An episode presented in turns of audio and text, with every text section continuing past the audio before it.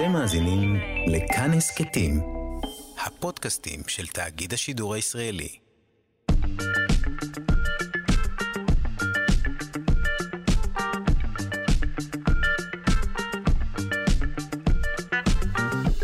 שלושה שיודעים. שלושה שיודעים, תוכנית המדע והידע של ישראל, כאן שרון קנטור, אנחנו עם כל המחקרים, כל הפיתוחים המדעיים והטכנולוגיים וכל מה שבאמת מעניין לדעת. העורך שלנו הוא רז חסון, המפיקה אלכס לויקר, על הביצוע הטכני אלון מקלר. אנחנו משודרים בכל יום, בשבע הבוקר, ובשידור חוזר בשמונה בערב, במשך שעתיים. היום תשמחו לשמוע, נעשה טיפול anti-aging עם מרמיטות וטיפוח שיער עם למורים. אז אתם מוזמנים להצטרף גם לקהילה הרשמית שלנו, שלושה שיודעים, אה, בפייסבוק, זה נקרא כאן, שלושה שיודעים, ואפשר להאזין לנו גם כהסכת בכל זמן ובכל מקום באמצעות היישומון של כאן, וגם בספוטיפיי ובאפל, או שתחפשו אותנו בגוגל, גם בסדר. מיד מתחילים.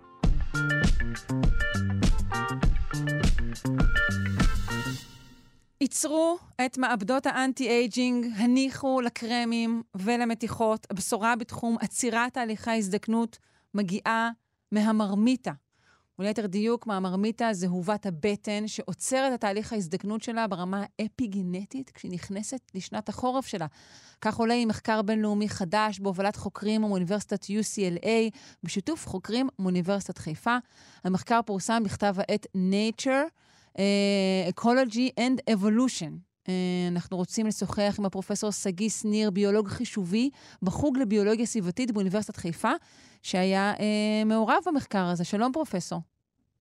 שלום רב. שלום.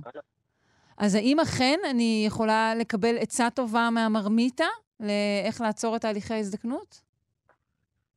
אז אה, לא בדיוק, משום שאת יודעת, אנחנו, אין לנו את התהליך הזה של ההיברנציה הזאתי, אבל... של שנת החורף.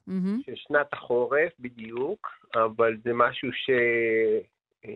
שוב, אני חייב פה לעשות איזשהו גילוי נאות, שאני לא, אמנם אני ביולוג חישובי, אבל אני לא ביולוג. אז, ויש פה הבדל די גדול, אז אני לא מבין את כל התהליכים הביולוגיים שם של המרמיתה, אבל mm-hmm. אני מבין שזה חיות שהן חיות ב, ב, ברוקי שם, החיות עצמן ברוקי ה, באוניברסיטת קולורדו. אני, התרומה שלי למאמר הזה היא יותר uh, באמת באותו מנגנון מתמטי, מודל מתמטי, שבאמת הביא אה, לפריצת דרך הזאת שהראה את ההזדקנות המדורגת הזאת, שרואים את זה מאוד יפה במאמר שפורסם באמת בעיתון. אוקיי, okay, אז באמת אמרנו, המרמיתה נכנסת אה, לשנת חורף שכזו, במהלכה היא גם מאבדת ממשקל גופה, נכון? בערך גרם ליום. שזה הרבה פחות מ... את יודעת, זה הרבה פחות ממה שהיא מאבדת ב... כן, בזמן של פעילות. בדיוק, בדיוק, בדיוק. כן.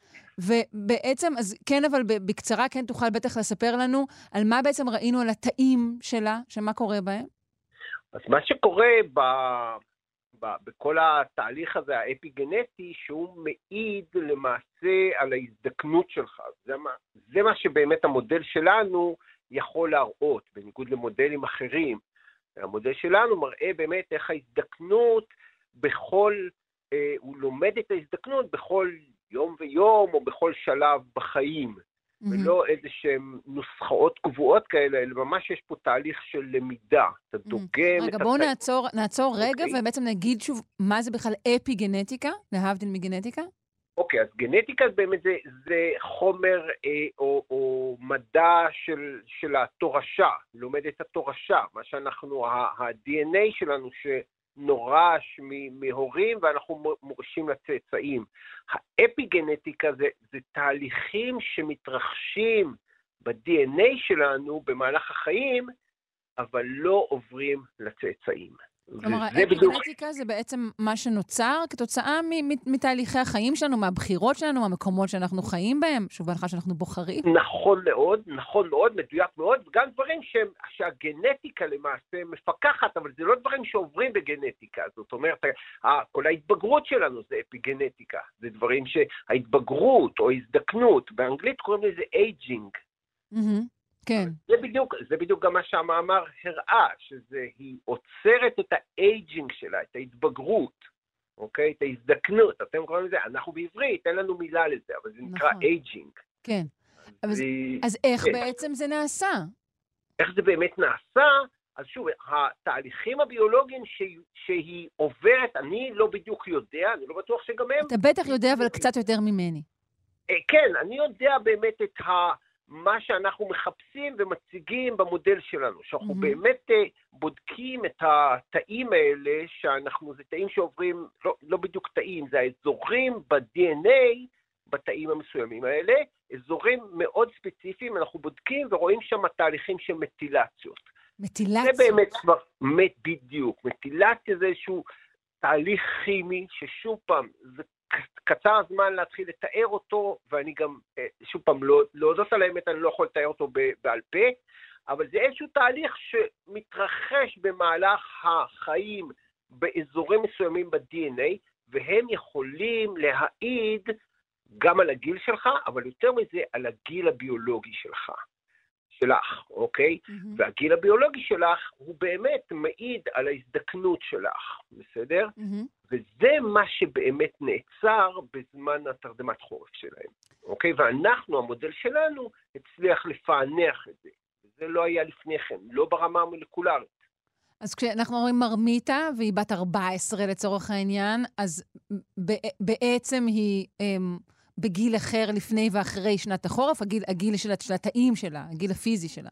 בדיוק, כל ה... אין פה תהליך ליניארי. זאת אומרת, לא כל יום היא מתבגרת באותה מידה. מהמם. ועל אחת כמה וכמה זה נעצר ב- בתקופת השינה, התרדמה. ואז זה חוזר לגדול בתקופה שהיא באמת, אה, בתקופה שהיא פעילה, הרבה מאוד תהליכים שם חוזרים לתפקד, והיא גם מזדקנת. אוקיי, עכשיו עם כל הכבוד אה, למ- למרמיתה, ו- ויש הרבה כבוד, בעצם אנחנו רוצים להבין האם בכלל ניתן להשליך מהמחקר הזה על, על אפשר להגיד כבר מדע אנטי-אייג'ינג, שבאמת אנחנו הרבה כסף והרבה אנרגיה מושקעים בו. נכון מאוד, אז בהחלט כן, יש הרבה דברים. ישירות זה עוד ייקח הרבה זמן. זה עוד ייקח הרבה זמן, אה, אני רוצה להגיד אנחנו, אבל למעשה זה בעיקר שותף שלי, מתאו פלגריני מ-UCLA, שהוא גם כן, הוא שם גם לא השותף הבכיר. אנחנו באמת תרמנו את המנגנון המתמטי שבאמת פיצח את כל ההזדקנות הזאת, אבל מתאו שם במעבדה שלו גם חוקר עכשיו חיות אחרות, כלבים, תכף עומד להתפרסם לנו מאמר על כלבים. אז כל הדברים האלה... ב- ב- סביב לאט- אותו הנושא של תהליכי הזדקנות?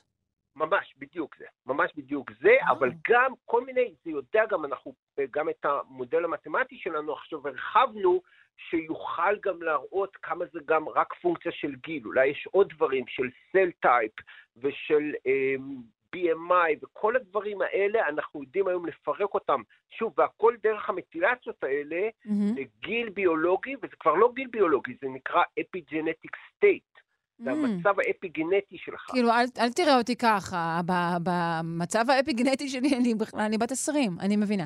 אמ, ובעצם אנחנו נוכל אולי לקחת איברים מסוימים שלנו, ואולי להכניס רק אותם למעין משהו שמדמה תרדמת חורף, כדי להעריך את, ה, את החיים שלהם?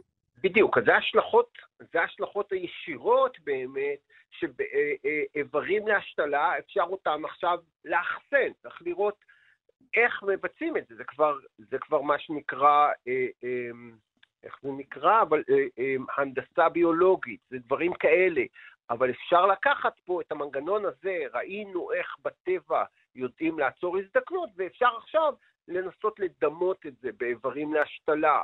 או למשל אסטרונאוטים שיוצאים למאות שנים אה, בחלל, אוקיי? אז אפשר לעצור להם את ה... זאת אומרת, שוב פעם, זה איזה שהם...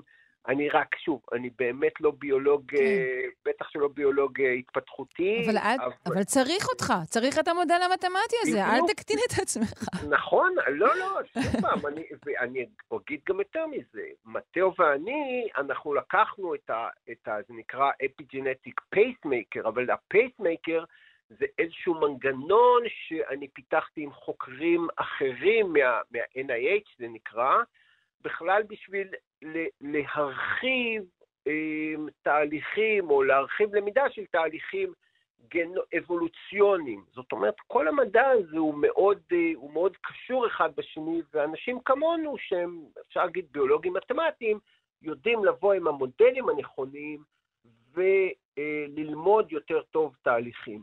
כן. אז אני לא מקטין את עצמי, אני ההפך. אני רק שם את עצמי במקום הנכון. כן, כאילו כמו דברים שנחשבים להנחה, או לדברים, אתה פשוט באמת יודע לחשב אותם. אה, אני מודה לך מאוד, פרופ' שגיא שניר, ביולוג חישובי בחוג לביולוגיה סביבתית באוניברסיטת חיפה. אה, מאחלת לכולנו חיי נצח, כמובן. בהחלט, בהחלט, אני מקווה שהתקרבנו קצת לזה. קצת, קצת התקרבנו, הרגשתי שהתקרבנו. אוקיי. תודה, ביי. ביי ביי, שרון.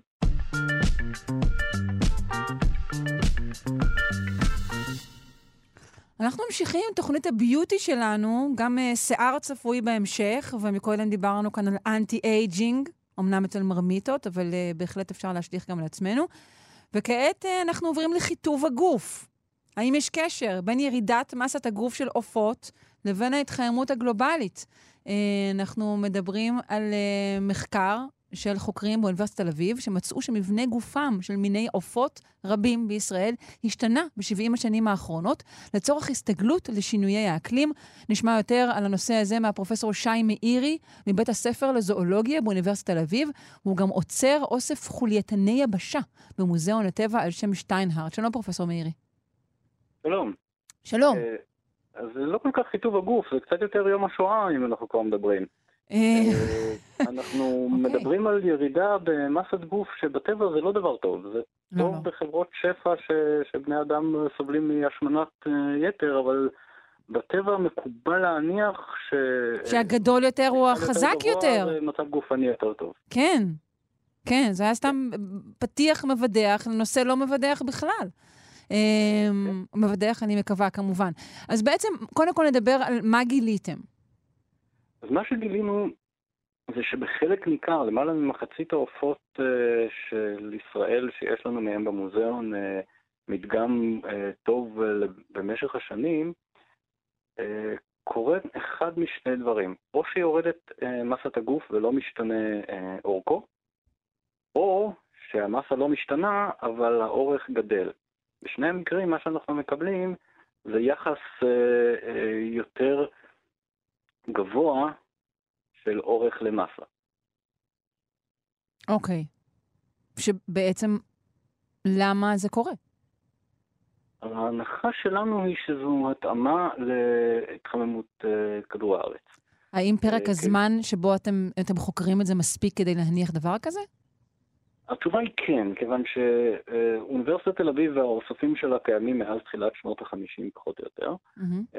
ואנחנו בחרנו רק עופות שיש לנו מהם דגימות החל משנות ה-50 פחות או יותר ואילך, אה, ועד היום, או העשור האחרון פחות או יותר, אה, מה שאומר שאנחנו מכסים בדיוק את התקופה שבה ההתחממות נכנסת ו... אה, כבר היא מספיקה גם כדי להשפיע. אוקיי, okay, גם המחקר הזה היה מקיף מאוד, נכון? אה, נכון, יש לנו למעלה מ-100 מינים של עופות, למעלה מ-8,000 אה, פריטים על פני המינים האלה. אוקיי, okay. ובעצם אומר לעצמו אדם שאולי זה טוב, שאומר שהטבע הוא מסתגל. הנה, יש שינוי בתנאים והעופות משנים את מבנה גופם, ואפילו עושים את זה די מהר. לא כך? אז, אז כן ולא. ראשית, השינוי במסה מאוד יכול להיות שהוא, אה, מה שאנחנו קוראים, הוא לא שינוי גנטי, אלא מבטא איזושהי גמישות אה, פנוטיפית. אה, זאת אומרת, לצורך העניין, הם היו רוצים להיות אולי כבדים יותר, אבל הם לא יכולים. כי אין להם מספיק מזון, או שהם צריכים לזוז יותר מדי. כן, תראי, למשל ציפור שנודדת.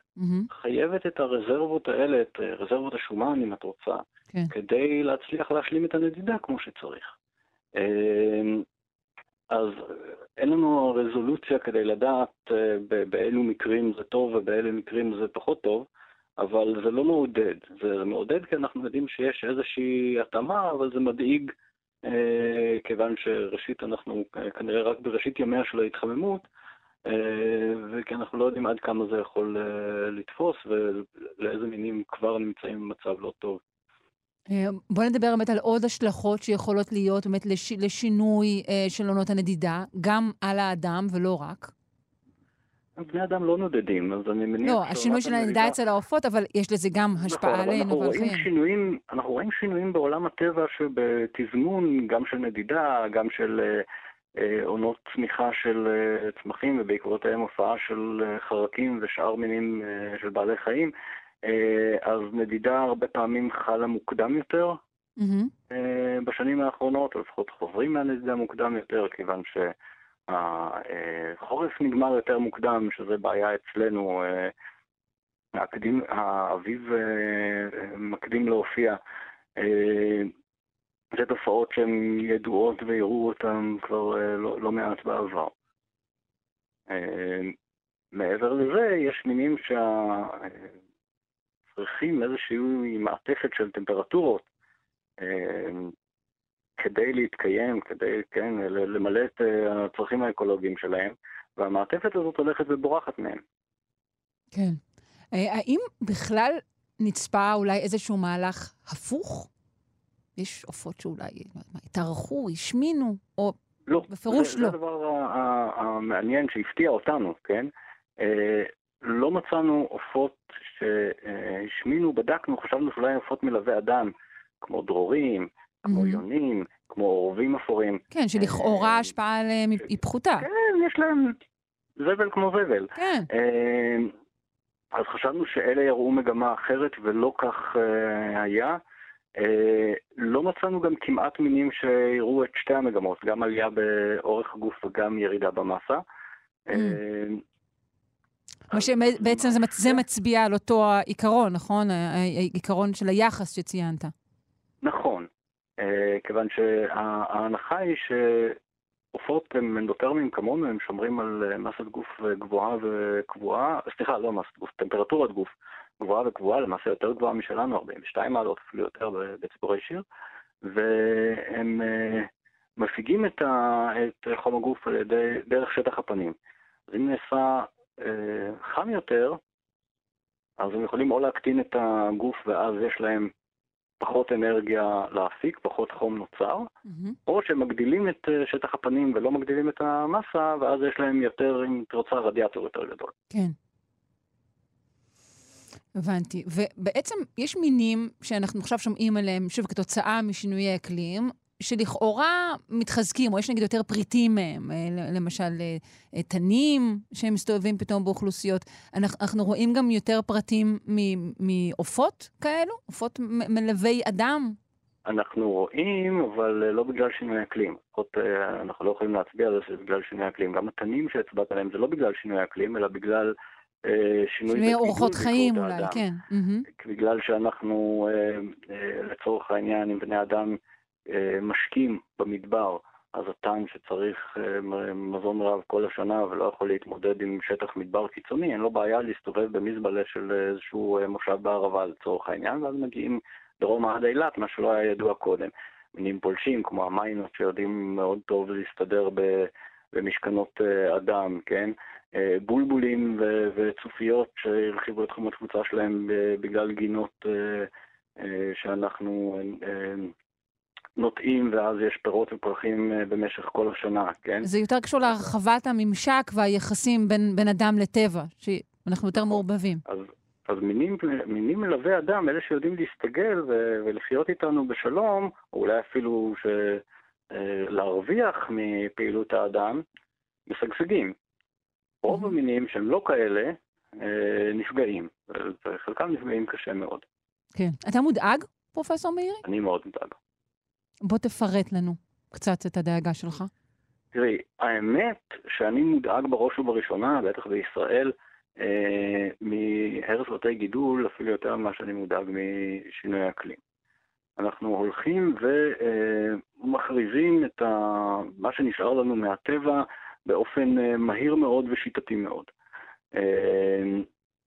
אה, אפילו פתרונות של אנרגיה ירוקה, שלצורך העניין את אומרת, וואלה, פתרון סביבתי נהדר, לא צריך לשרוף uh, דלקים כן. מאובנים וכדומה, הם צורכים הרבה מאוד קרקע, כן? נכון, אנחנו יודעים גם על טורבינות רוח, שגם הם נגיד לא, לא טובים בכלל לעופות, נכון? כן, אז טורבינת רוח שמזיקה לעופות ולעטלפים, אולי אפילו לחדשים. חוות סולריות, פשוט תופסות המון המון שטח, כן? ואז מה, לא עושים את כולם על גגות של רפתות, מה שצריך לעשות, ובמקרים מסוימים עושים, אלא הולכים ותופסים עוד שטח אה, של קרקע שהאתוס הציוני קורא לה איזה הר טרשים קרח או אה, קרקע בתולה כן. כזו או אחרת. מה שקוראים השטחים הפתוחים. בדיוק. ותופסים אותם, עוד יישובים, עוד דרכים, אה, הרחבה של יישובים, בעיקר בנייה לא רוויה, כל זה הולך והורס בתי גידול באופן שיטתי. אחר כך יש לנו את שינוי האקלים, שעולה לא רק הממוצע, אלא גם עולים השכיחות והעוצמה ומשך הזמן של אירועי קיצון. אז אם אנחנו יכולים לחיות בממוצע במעלה יותר, ניחא, אבל אם יש לנו פתאום אה, אה, הרבה יותר ימים שהם אה, חמש או שבע מעלות מעל הממוצע, כבר לא בטוח.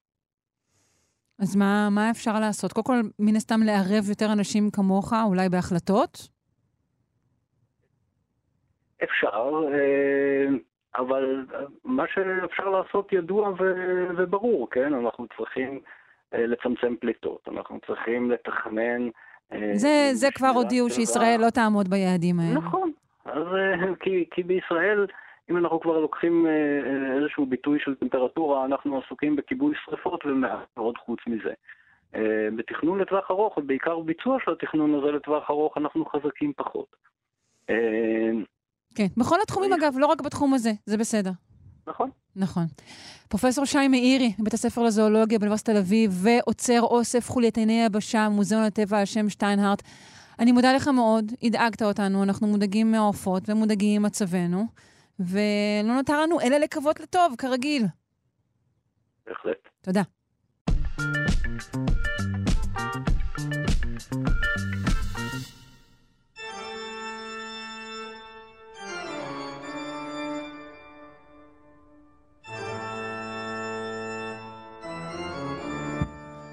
אנחנו מפינת האבולוציה שלנו עם הפרופסור אריאל צ'יפמן, חבר המחלקה לאקולוגיה, אבולוציה והתנהגות באוניברסיטה העברית. והשבוע אה, נדבר על, על החלוצים, אה, אלו שהתחילו אה, תהליכים ראשונים, ואלו הצמחים הראשונים שיצאו ליבשה. שלום, פרופסור. בוקר טוב. בוקר טוב. אה, בעצם, השאלה הראשונה שאני רוצה לשאול אותך זה מה הביא את הצמחים הראשונים לצאת ליבשה. מה הביא את הצמחים הראשונים לצאת ליבשה? אה, היתרון העיקרי בלהיות ביבשה זה שאין מים בדרך, וצמחים פועלים על פוטוסינתזה, ומים מסננים את הקרינה שנותנת להם לעשות פוטוסינתזה. כך שיציאה ליבשה, היתרון המיידי הראשון של יציאה ליבשה מבחינת הצמחים, היה קליטה בלתי מסוננת של אור השמש, שמאפשר פוטוסינתזה הרבה יותר יעילה. אוקיי, רגע, על איזה שנה אנחנו מדברים? מה זה, sixties? מתי זה קרה? אנחנו מדברים על לפני קצת יותר מ-400 מיליון שנה. כן. עכשיו, כדי להכניס דברים להקשר היסטורי רחב יותר, ההתפרצות הגדולה של המורכבות של בעלי החיים, של עולם החי, הייתה בערך 100 מיליון שנה מוקדם יותר. והסיפור של ההיסטוריה האבולוציונית של בעלי החיים, של החיות, הוא בעיקר סיפור של הים. כלומר, האבולוציה המוקדמת שלהם הייתה בים, ואז הם יצאו ליבשה. מבחינת הצמחים, כמעט כל הסיפור הוא ביבשה. באותם 100 מיליון שנים שהייתה התגוונות ועלייה במורכבות של עולם החי בים, הצמחים לא עשו הרבה. הצמחים היו בעיקר חד-תאיים, אצות חד-תאיות או אצות חוטיות פשוטות יחסית. כאילו, תעזבו אותנו, אנחנו כזה חד-תאיים עכשיו, לא רוצים כן. להתפתח עוד. כן, אז רגע, אבל בעלי החיים כבר היו ביבשה לא. בשעה שהצמחים עדיין היו בים? לא, הם לא היו עדיין לא, ביבשה. כאילו, אחרת מה הם אכלו בעצם? נכון, נקודה מצוינת. בעלי החיים היו בים. והם התחילו לצאת ליבשה קצת לפני שהצמחים יצאו, אבל לא הייתה נוכחות מסיבית, וכנראה מה שהם אכלו היה דברים כמו פטריות וחזזיות ודברים כאלה. אבל כשהצמחים יצאו ליבשה, הם בעצם יצרו מערכת אקולוגית הרבה יותר מורכבת שאפשרה יציאה יותר משמעותית של, של בעלי חיים מאוחר יותר. אבל הסיפור המעניין ביציאה של הצמחים, זה שכמו ששאלת בהתחלה, הם יצאו, היתרון ביציאה ליבשה זה הקרינה הבלתי מסוננת, קרינה ישירה של אור השמש. אבל אה, בעצם הבעיה היא שכמובן צריך למצוא מנגנונים נגד התייבשות, וצריך גם תמיכה. כן, זה צמחים שבמקור היו, חיו בתוך מים, וכעת הם צריכים להתאים את עצמם לעסק אחר לגמרי. אז קודם כל, מים זה מים מתוקים. הצמחים לא יצאו מהים ליבשה, אלא יצאו ממים מתוקים ליבשה, או בעצם משלוליות גשם, פחות או יותר. שהיו על פני היבשה. ובשלב ראשון הצמחים היו מאוד פשוטים, מאוד קטנים, בלי רקמות תמיכה, ולכן הם לא יוכלו לצמוח ולגדול לגבהים מאוד גדולים. אבל הצורך בהתמודדות עם, עם כוח הכבידה, שהוא הרבה יותר משמעותי על פני היבשה כי אין ציפה, כי בעצם המים לא מחזיקים אותם, אז ההתפתחות הזו של רקמות תמיכה הייתה די מהירה. ותוך מיליונים בודדים של שנים... כלום זמן. כלום זמן בסקלות גיאולוגיות, אנחנו מוצאים כבר צמחים שהם בעצם אבותיהם של השרכים של היום. אה, שכבר יש להם רקמות תמיכה, כבר הם יכולים לצמוח לגובה, רקמות התמיכה או הצינורות התמיכה מאפשרים להזרים מים למעלה לתוך הצמח. והם מפתחים בערך באותו הזמן, במקביל כמה קבוצות שונות של צמחים מפתחות משטחי קליטת אור, מה שאנחנו מכנים עלים. בעצם משטחים גדולים שהתפקיד שלהם זה לקלוט אור בצורה יעילה יותר. והדבר הזה קורה מאוד מאוד מהר בכמה קבוצות שונות במקביל, ועם העלייה בגודל ועם העלייה ברקמות תמיכה, אז תוך עוד כמה מיליוני שנים מופיע גם עיצוי, כלומר רקמות תמיכה קשיחות יותר, אנחנו מקבלים... וכאן אנחנו בעצם נפרדים ממסרחים או, או, או צמחים נמוכים, ומתחילים לעבור לעצים ושיחים גבוהים יותר? אז אנחנו עדיין מדברים על שרחים, mm-hmm. אבל שרחים מעוצים. Mm-hmm. כלומר, מבחינה אבולוציונית זה אותם צמחים, זה, זה אותם שרחים, זה עדיין לא מה שאנחנו מכירים כיום כעצים, mm-hmm. אבל מבחינה מבנית הם כבר, יש להם גזע. זה יותר מזין? זה נגיד פונה אולי לבעלי חיים אחרים שיזללו את זה? אז גם, ויש פה כמה יתרונות. אחד, הרבה יותר קשה לאכול את זה. כלומר, אמרתי שבמקביל mm-hmm. כבר בעלי חיים מתחילים לצאת ליבשה, כן. אז, אז העיצוי הוא גם מנגנון הגנה, אבל זה גם נותן להם לצמוח לגובה. וברגע שצמחים צפופים, מתחילה תחרות שצמחים מצלים אחד על השני, כן, ואז יש יתרון למי שצומח יותר לגובה. נכון. ועם הצמיחה לגובה, אז גם מתפתחות מערכות תמיכה, שאלה השורשים. עכשיו, כל ההמצאות האלה, הרקמות הובלה, ועלים, ועיצוי, ו- ושורשים, מופיעים אחד אחרי השני בפרק זמן של כמה עשרות מיליוני שנים. והאבולוציה הזו של הצמחים על פני הקרקע מובילה לשינוי דרמטי בכל כדור הארץ. כי צמחים, כמויות גדולות של צמחים, שואבות פחמן דו-חמצני מהאטמוספירה, משחררות חמצן לאטמוספירה, אז כל, ה, כל הרכב האטמוספירה, כל האיזון משתנה לגמרי. ועם השאיפה של הפחמן הדו-חמצני, יש פחות אפקט חממה, אנחנו מכירים את זה מהיום, שקורה ההפך. Mm. אז יש ירידה בפחמן הדו-חמצני, וכדור הארץ מתקרר. וואו, אוויר טוב היה בתקופה הזאת, אני ממש יכולה להרגיש אותו. עכשיו השאלה היא מה, מה אנחנו מחפשים. אז אנחנו מחפשים אוויר קריר וטוב, אבל מבחינת הצמחים, הירידה בטמפרטורה היא דווקא פחות טובה. עכשיו, עוד משהו שקורה שהשורשים מתחילים לגרום לבליה. ובפעם הראשונה בהיסטוריה של כדור הארץ יש אדמה ולא רק סלעים. כי השורשים מפרקים את הסלע ויוצרים אדמה. והאדמה הזו נסחפת לאוקיינוסים, ושינוי, וריכוז המלחים באוקיינוסים משתנה. אז בעצם כל התהליך הדרמטי הזה של אבולוציה של צמחים משפיע באיזושהי תגובת שרשרת מטורפת על כל כדור הארץ, וכדור הארץ יוצא מאיזון. וכמה עשרות מיליוני שנים אחרי שהצמחים עולים ליבשה, מופיעה הכחדת ענק, שנובעת מזה שהצמחים שיבשו את כל כדור הארץ. עכשיו, אנחנו רגילים לחשוב על אירועי הכחדה כמשהו שהוא בדרך כלל תוצאה של משהו רע שקורה. אז אנחנו מכירים כמה הכחדות, עלייה בטמפרטורה, פעילות געשית, פגיעה של כוכב שביט או משהו כזה. במקרה הזה דווקא התקדמות אבולוציונית והופעה של צמחים גורמת לשיבוש שלם וגורמת להכחדה של בעלי חיים. אוקיי, okay, ומתי מתרחשת, אה, לא נקרא לזה, נשמע קצת אה, אה, שיפוטי, החלמה, או בעצם אה, אה, צמיחה מחדש, או, או ש, של הופעה של בעלי חיים מחדש? אז זה קורה, להבדיל מהכחדות אחרות, שאנחנו מכירים אותן כאירועים דרמטיים וחדים, ההכחדות של סוף עידן הדבון, זה בעצם התקופה שבה הצמחים מופיעים, הן קורות בפולסים, יש גם פולס של הכחדה והתאוששות, ופולס של הכחדה והתאוששות, okay. זה אוקיי. לוקח בערך עשרה מיליון שנה עד שהכל מתאושש מחדש וכדור הארץ מגיע לאיזשהו שיווי משקל חדש עם יערות אבותים על פני כדור הארץ וסביבה ימית שכבר הסתדרה והתאפסה על עצמה, ובעלי חיים יבשתיים, כולל חולייתנים יבשתיים ראשונים. אז כל, כל זה קורה בפרק זמן כל הסיפור, מיציאת הצמחים ליבשה ועד ההכחדות וההתאוששות וכולי, אנחנו מדברים על 50-60 מיליון שנה. כמו פרק זה, זמן... זמן... זמן ההתאוששות הזה שציינת הוא זמן ממוצע להתאוששות? כי אני פשוט חושבת כבר על ההכחדה הקרובה, וכמה זמן ייקח לנו לצאת ממנה. אה, נקודה מעניינת, יש די הרבה חוקרים שעובדים על, בדיוק על השאלה הזו, כמה זמן לוקח להתאושש מהכחדה. זה תלוי באופי ההכחדה, אבל בדרך כלל סדר גודל של מיליון או שניים. זה מספיק להכ... להתאוששות, אבל כאן אנחנו מדברים על רצף של פולשים של הכחדה, ולא הכחדה אחת mm. גדולה, אלא הרבה הכחדות קטנות, ולכן יש איזושהי מטוטלת כזו על פני משהו כמו עשרה מיליון שנה בסוף הדבון. כשהמטוטלת הזו נגמרת, הכל מתאזן, ואנחנו מגיעים לכדור הארץ שנשאר יציב לעוד... Uh, כמעט 100 מיליון שנה עד ההכחדה הגדולה הבאה. זה נשמע כל כך מרגיע כשאתה אומר את זה, אני חייבת להגיד. Uh, תגיד, כל התהליכים שתיארת, הם בעצם קורים על פני כל הכדור, או, שב, או שיש אזורים מסוימים שמאופיינים בתהליכים כאלו ואזורים אחרים בתהליכים אחרים? בת... מה קורה בכתבים? בתקופה הזו היבשות די מרוכזות.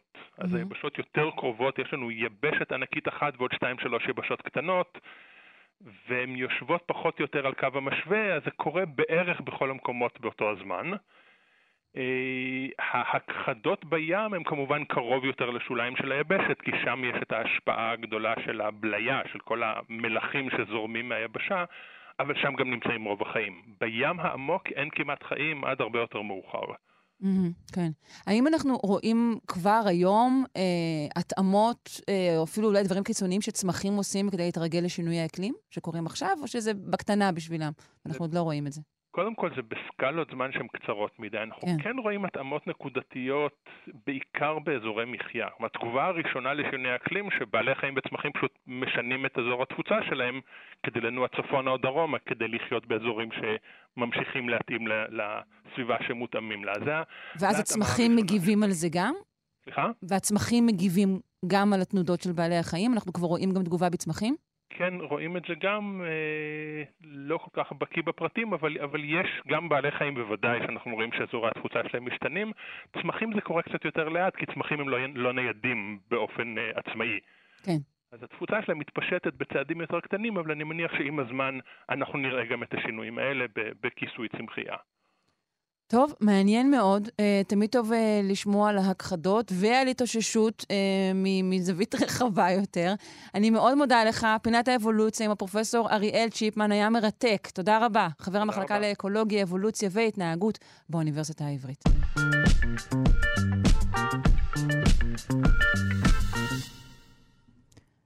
אם אתם האנשים שמעמידים פנים שהם בשיחה דחופה עם הבנק רק כדי לא לשוחח עם נהג המונית שלהם, אז נראה לי שהשיחה הבאה היא בשבילכם.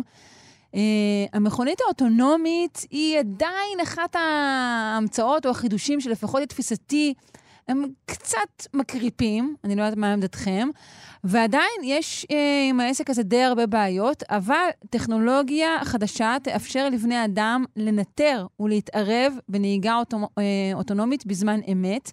אנחנו רוצים לדבר עם uh, ליאון אלטרס, מעבדת המחקר מובייל לאב. שבמרכז לרכב אוטונומי באוניברסיטת אריאל. שלום. שלום לכם. שלום. אז um, המכונית האוטונומית היא, היא בשורה, היא צרה, מה עמדתך? הרכב האוטונומי אה, ללא ספק הוא הבשורה. מדוע? ו... כי הוא יקל עלינו בהרבה מאוד מובנים, רק תחשבו על זה שצריך להגיע אבל לעבודה עם כל הפקקים, לחפש חנייה. אחרי שחזרנו מהעבודה, אנחנו צריכים לקחת את הילדים לחוגים. את כל הדברים האלה יוכל לעשות נהג אוטונומי במקומנו ולפנות לנו זמן לדברים לא, אחרים. אבל אנחנו עדיין נשב שם. זאת אומרת, הגוף שלנו עדיין יצטרך לזוז ממקום למקום. בחלק מהמקרים כן, למשל עם הילדים. הילדים יהיו ברכב בלעדינו כנהגי מונית של הילדים. כן. אז uh, אני לא יודעת כמה מהר נשלח את הילדים שלנו עם הנהג האוטונומי, אבל יכול להיות. אה, כן. מהם האתגרים הגדולים שעדיין ניצבים אה, בפני המערכות האלו? אחת לכמה זמן מראים לנו כל מיני פלטות אה, נכון, כל מיני דילמות מוסריות אפילו, שאדם אולי היה פותר באופן אחד, והמכונית האוטונומית פותרת או לא פותרת בכלל? אה, לגבי ההבדל בסוג הפתרון, בהחלט יש הבדל.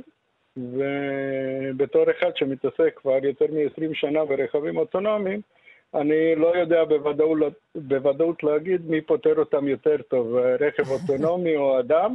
בוא תספר לנו, תן לנו דוגמאות לזה, זה מרתק. הסוגיה היחידה שנמצאת בפנינו, שבן אדם עושה את הטעות, אז אנחנו יכולים להעלות אותו למשפט ולשפוט אותו. ואת הרכב, קצת בעיה, את מי שופטים.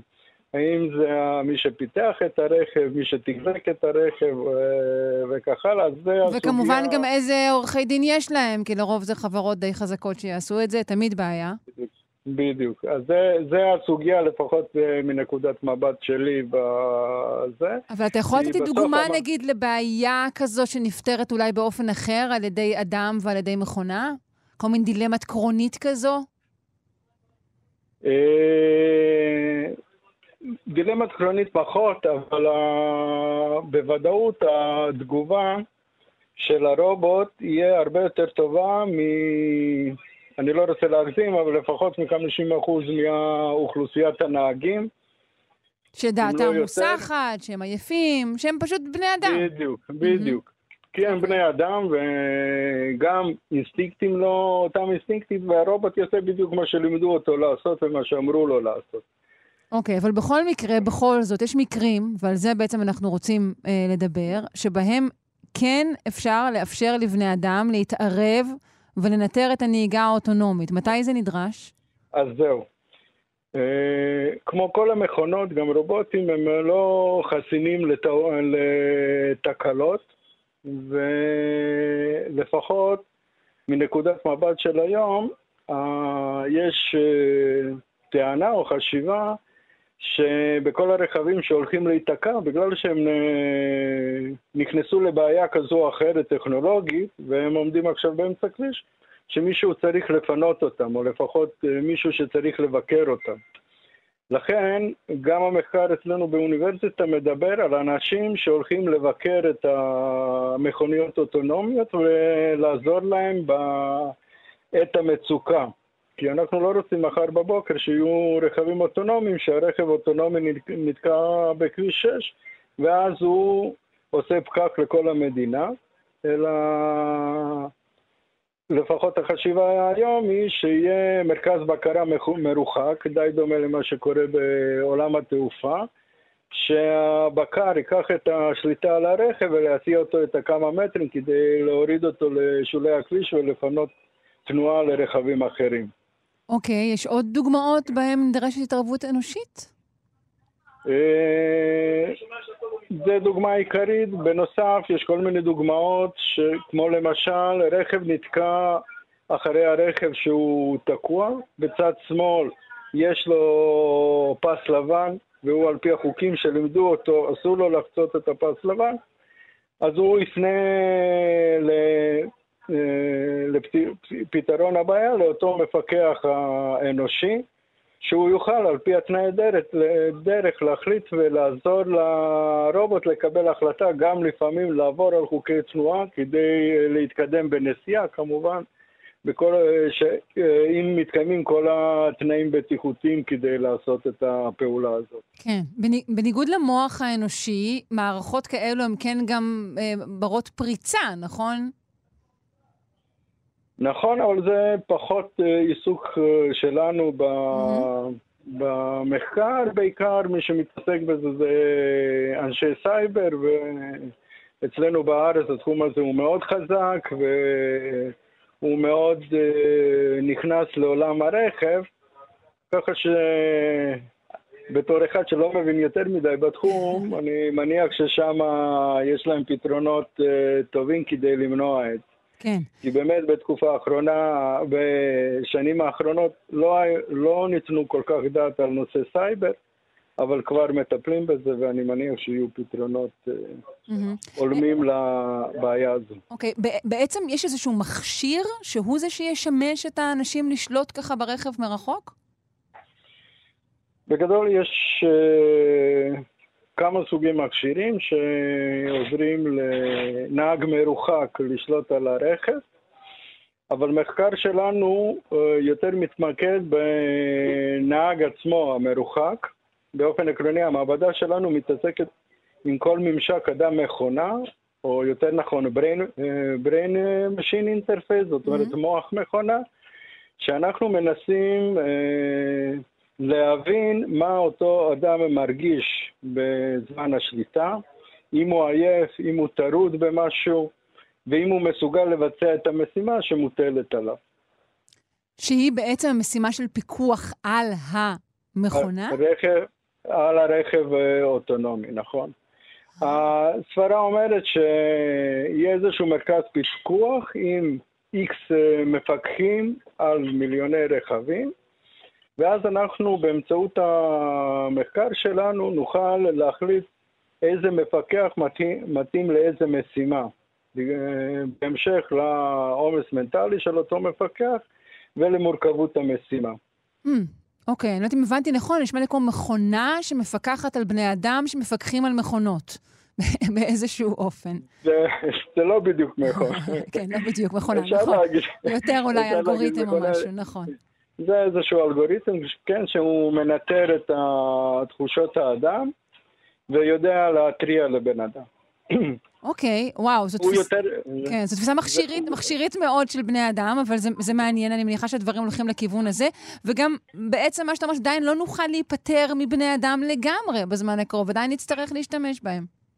אה, אני לא רואה שבזמן הקרוב אנחנו מתפטרים מבני אדם. אבל הפעולה הולכת לחיות הרבה יותר יעילה. תחשבי שבן אדם אחד מפקח על אלף רכבים. כן. אז... תגיד, להערכתך, אני יודעת שאמרת שזה לא בדיוק בדיוק התחום שלך. נגיד, עוד כמה זמן יהיה אולי לא מקובל בכלל לנהוג? זאת אומרת, מי שינהג בעצמו ייחשב לאיזה מישהו כזה אקזוטי? מה הוא בכלל נכנס למכונית בעצמו? כן.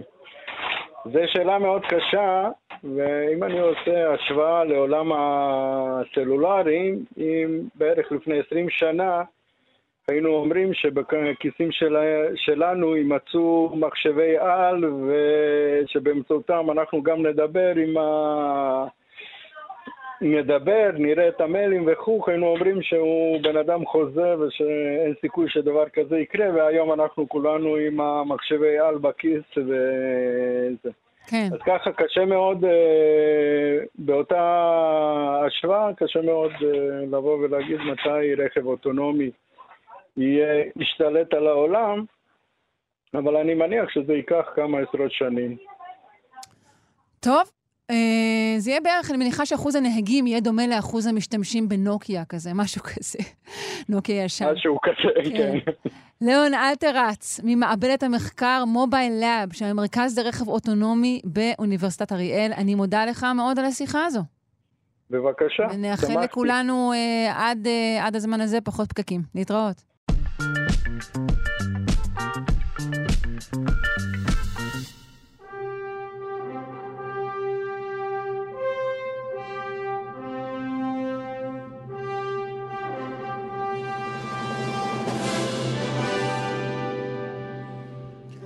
אנחנו רגע לפני יום העצמאות שלנו, ולכן בפינת גיבורי העל, אה, אנחנו רוצים לשמוע על גיבורי על ישראלים, כרגיל איתנו, המומחה והפרשן לענייני גיבורי על, אה, אבנר מירב, שלום, בוקר טוב. בוקר טוב, שרון, ברוכה הבאה. תודה רבה, תודה רבה. אז אה, יש בכלל גיבורי על ישראלים, או שכולם בצבא? האמת שזה משעשע שככה את שואלת, כי אכן... שאנחנו נראה מחנה משותף מאוד uh, משמעותי לכל גיבורי העל הישראלים שנדון בהם, אבל בוודאי שיש גיבורי העל ישראלים, אני חושב ששמשון הגיבור הוא דוגמה מובהקת uh, לבין uh, סיפורי כוח העל הראשונים בהיסטוריה, וכמובן לאורך כל התנ"ך שזורים אי אלו נביאים ומחשכים שכאלה, שאפשר לומר שהיו להם כוחות העל, שאם היום היו עושים אותם בגרסת, uh, גרסה קולנועית או בגרסת קומיקס, הם היו לובשים טייפס. אה, אבל... אגב, לא, לא כך עושים אותם, לפחות או לקהל חילוני. אני לא יודעת מה קורה כאילו בחוברות קומיקס של, של, של, אה, קהל דתי. אולי יש נגיד קומיקס כזה של שמשון הגיבור וכל מיני גיבורים תנכיים? אז יש קומיקס, אני, האמת שאני בתור ילד, אה, יש את מה שנקרא תנ"ך מאויר לנוער או משהו כזה, אני בתור ילד, היו לנו את הספרים האלה בבית, וככה אני למדתי את סיפורי התנ"ך בפורמט של קומיקס, אז אכן זה קיים. כן, אם רוצים הדתה כהלכתה, כדאי, אני חושבת, להפוך את, את גיבורי התנ"ך לגיבורי על בקומיקס. אפשר, אני לא יודע אם זה, יגרור הדתה, זה פשוט לספר את הסיפורים האלה ולקחת אותם כלשונם, כסיפורים. כן. סיפורים טובים. כן, בדיוק כמו שיש סיפורים על ספיידרמן ואף אחד לא הולך ומקים לו מקדשים. זה בגלל שלא היית בפרדס חנה, אז ככה אתה מדבר. אתה צריך לבוא אוקיי. למקדש ספיידרמן שמוקם שם בימים כאלה. כן, מקריבים לו עכבישים. כן, אז לשאלתנו, אכן היו מספר גיבורי על ישראלים לאורך ההיסטוריה, חלקם נוצרו על ידי ישראלים, חלקם נוצרו דווקא בארצות הברית, איפה שמולדת גיבור העל המודרני.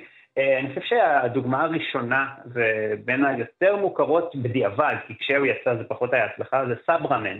כן. סברמן יצר את אורי פינק, אורי פינק שהוא הסנדק של הקומיקס הישראלי, שיצר גם את זבנג, ויותר מאוחר עוד גיבור על ישראלי, סופר שלומפר, אבל כבר בשנת 78, אורי אז סיים בדיוק את לימודיו בבצלאל, ועבודת הגמר שלו בלימודים בבצלאל הייתה חוברת קומיקס של סברמן, גיבור העל הישראלי הראשון. זהו, שהוא כן, כן חש במחסור בתחום הזה. חד משמעית, חד משמעית. אז בכלל כמעט ולא היה קומיקס בישראל, וכשהיה זה היה הרבה קומיקסים צרפתיים ובלגים שתורגמו, אה, כמו טינטין וכולי, אבל גיבורי... כן, טאם טאם. אה, אבל גיבורי על ישראלים אה, באמת פרופר לא היו. אז הוא יצר את סברמן, שהיה באמת גיבור קצר מועד, אבל מאוד מאוד קלאסי. היה חייל שנפצע במלחמה בצה"ל, השתילו בו, השתילו בו משהו שנקרא מוט אטומי, שנתן לו כוחות על אה, משלו, לא הרבה אחריו. מוט אטומי, אוקיי. אני יכולה לחשוב כן, על כל מיני גרסאות לסיפור הזה, אולי לא בהכרח לשעת השידור הזו. כן. אה, אבל לכן אה, זה באמת מאוד מאוד סיפור מאוד מאוד קלאסי, וזה גם מוטיב חוזר בגיבורי על לאורך כל השנים, גיבורי על ישראלים תמיד איכשהו קשור לצה"ל, וזה הגיוני כיוון שגם גיבורי על בחו"ל, הרבה גיבורי על אמריקאים, קפטן אמריקה, הגיבור על אמריקאי, הוא אה, היה תוצאה של ניסוי צבאי, אז זה הגיוני שבמדינה שלנו שהאתוס הצבאי כל כך שזור בכל דבר יומיומי שלנו, הגיוני שכל כך הרבה גיבורי כן. על יבואו דווקא משם. גם היום, גיבורי העל שלנו מגיעים מ-8200 בסך הכל. כן, אבל עכשיו הכוח שלהם זה פחות אה, להרביץ נכון. לרעים ויותר לפרוץ להם לטלפון. מה הייתה החולשה של, של סברמן? מה, מה הפיל אותו? מה היה עקב אכילס שלו? האמת שאני לא זוכר. אני אומר לך, אני לא זוכר מה הייתה החולשה שלו. אוקיי. אני, אני באמת לא יודע, לאורך השנים גם אה, היו, הגיבור העל הנוסף שהיה קצת יותר פופולרי, קראו לו אורי און, שגם הוא אה, היה אה, גיבור על אה, ישראלי ב, עם, עם רקע אה, צבאי.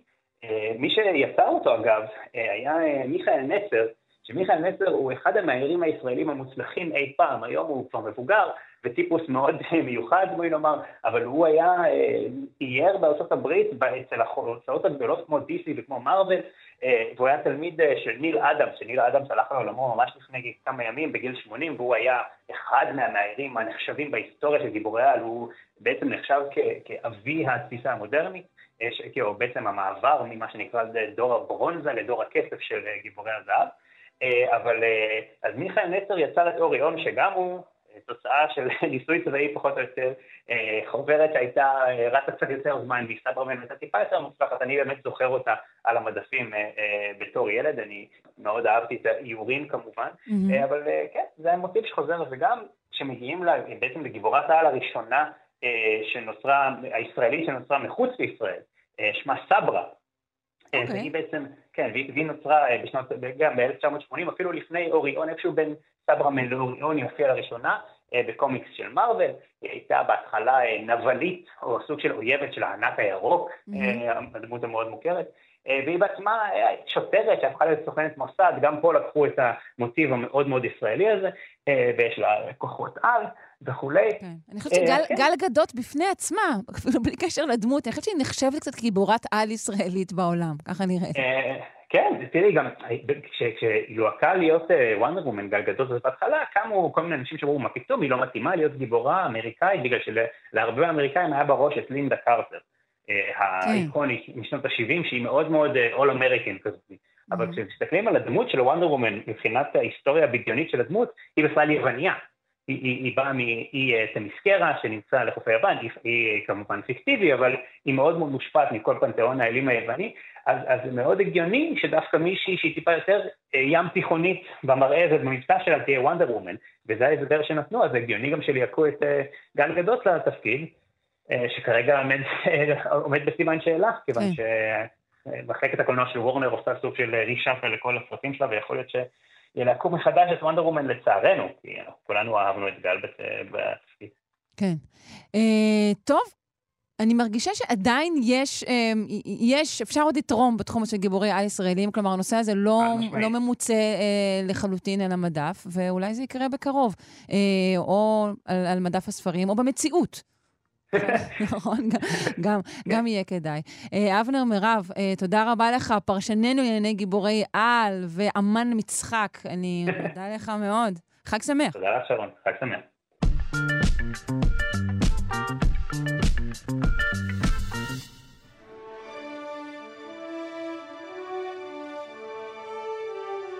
ה-ERC, מועצת המחקר האירופית, אה, העניקה מענק אה, מדהים בשווי 2.5 מיליון יורו לחוקר ישראלי. זהו הפרופסור יובל פלדמן, הוא סגן דיקן למחקר בפקולטה למשפטים באוניברסיטת בר אילן, ועמית בכיר במכון הישראלי לדמוקרטיה. שלום, פרופסור פלדמן. שלום, תודה. שלום, ברכות. Uh, אנחנו מדברים על מחקר בתחום שאולי uh, יפתיע אחדים מאזיננו שה-ERC אה, משקיע בו. בעצם אנחנו מדברים על, על, על נושא של התנהלות, של ציות וולונטרי, נקרא לזה מדינות דמוקרטיות, נכון? כן.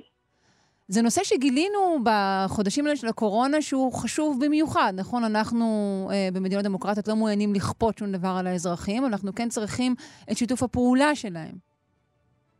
אה, נכון, לא הייתי אומר שאנחנו לא מעוניינים לכפות, אבל אנחנו מבינים שיש גבול מה אפשר לעשות. או, או שאנחנו רוצים להסתיר את העובדה שאנחנו כופים עליהם, זה גם... אה, כן, כן. אה, נכון, אז בעצם אני חושב שבאמת הקורונה אה, הציפה איזה...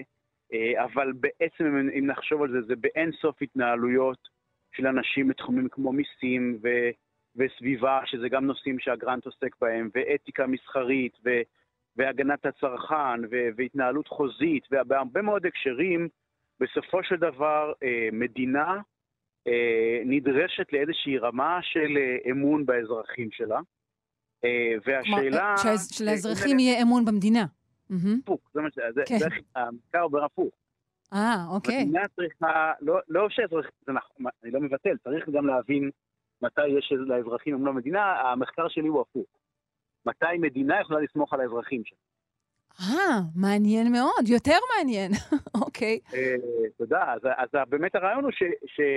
שוב, יש, יש למדינה קשת של אמצעים, היא יכולה לתת סנקציות, והיא יכולה להטיל חובות, היא יכולה לתת פרסים, תמריצים, היא יכולה גם להשפיע בטכניקות התנהגותיות, היא יכולה גם להסביר, היא יכולה לגרום להביא למודעות, והיא יכולה לעשות המון המון דברים. Mm-hmm. וכאילו היא רוצה, אני חושב שכל מדינה הייתה רוצה להיות בעולם שבו לא צריך שוטרים ולא צריך פקחים ולא צריך סנקציות, אבל התחושה היא שאי אפשר לשחרר את זה, אבל באיזשהו מובן, רוב ההחלטות האלה נעשות כמעט ללא שום נתונים וללא שום הבנה תיאורטית מתי אי אפשר לסמוך על אנשים, באיזה מידה כן אפשר, באיזה מידה אי אפשר, אה, מה, מה הגורמים שיגרמו לנו, עד כמה התרבות שלנו, שזה גם חלק משמעותי בגרנט, כלומר, האם התרבות הישראלית לעומת מדינות אחרות היא כזאת שאפשר לסמוך עלינו יותר mm-hmm. או פחות, ובאיזה דברים, האם תרבות אגב היא בכל תחומי המשפט, או שיש נגיד מדינות שהן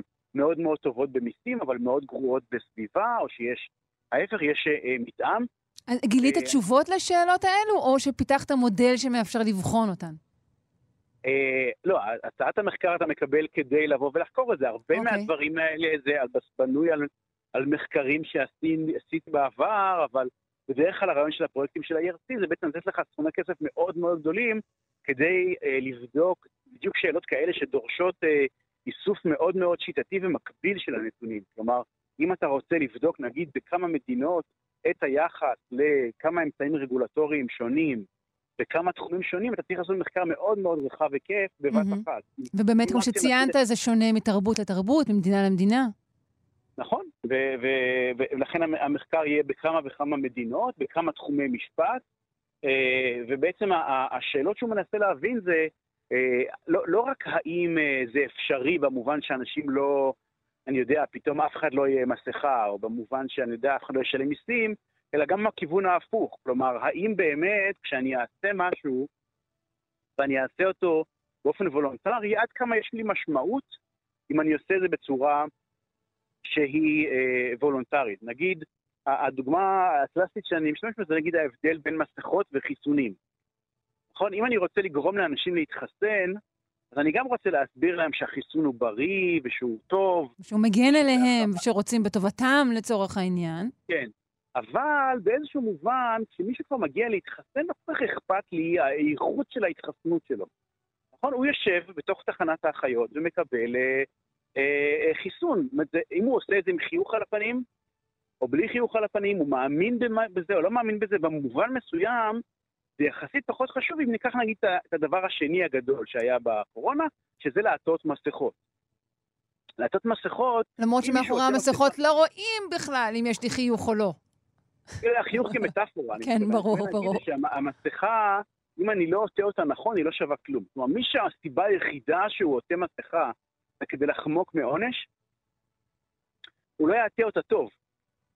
כן, בניגוד Mm. לחיסון, שהוא נכנס לי באותו אופן לכתף ולמערכת המערכת החיסונית בדיוק באותו האופן, בפעולות כמו כן. למשל עטיית מסכות, פעולה שהיא שהיא ארוכת טווח, שהיא מתמשכת, אה, שהיא עמומה, נוגעת כן? ל- אין ל-. להרגלים, וש- כן, ושהיא עמומה, כי אני מבינה מה אתה אומר.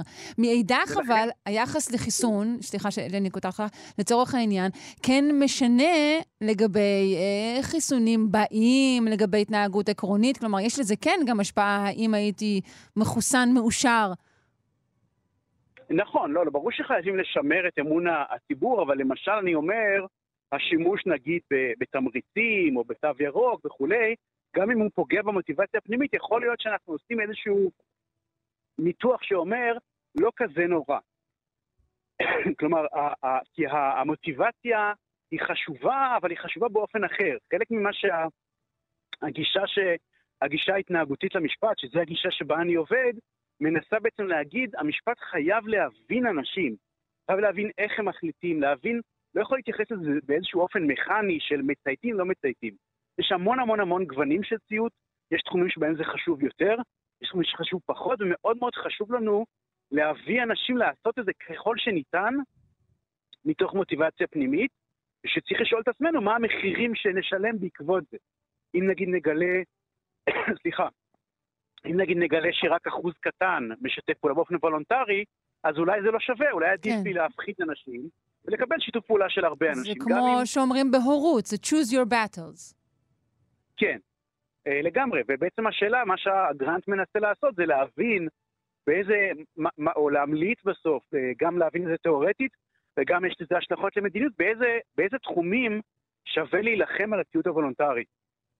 באיזה, באיזה תחומים הרווח שיהיה לנו כמדינה מהעובדה שאנשים יעשו את זה לא כ, כ, כמי שכפאם שד, יש לו רווח מספיק גדול ששווה לקחת את הסיכון שאחוז משתפי הפעולה יהיה קטן יותר, או שזה יהיה יותר קצר טווח, או שזה ייעשה באופן פחות טוב, או להפך, באיזה, באיזה הקשרים דווקא הגישה הקלאסית היא בסוף לא שווה שום דבר, כי היא תגרום לאנשים לאבד אמון, היא תגרום לאנשים להרגיש איזשהו, אה, כמו כזה מין רזנטמנט, איזושהי סלידה מההתערבות מהמם. של המדינה. נכון.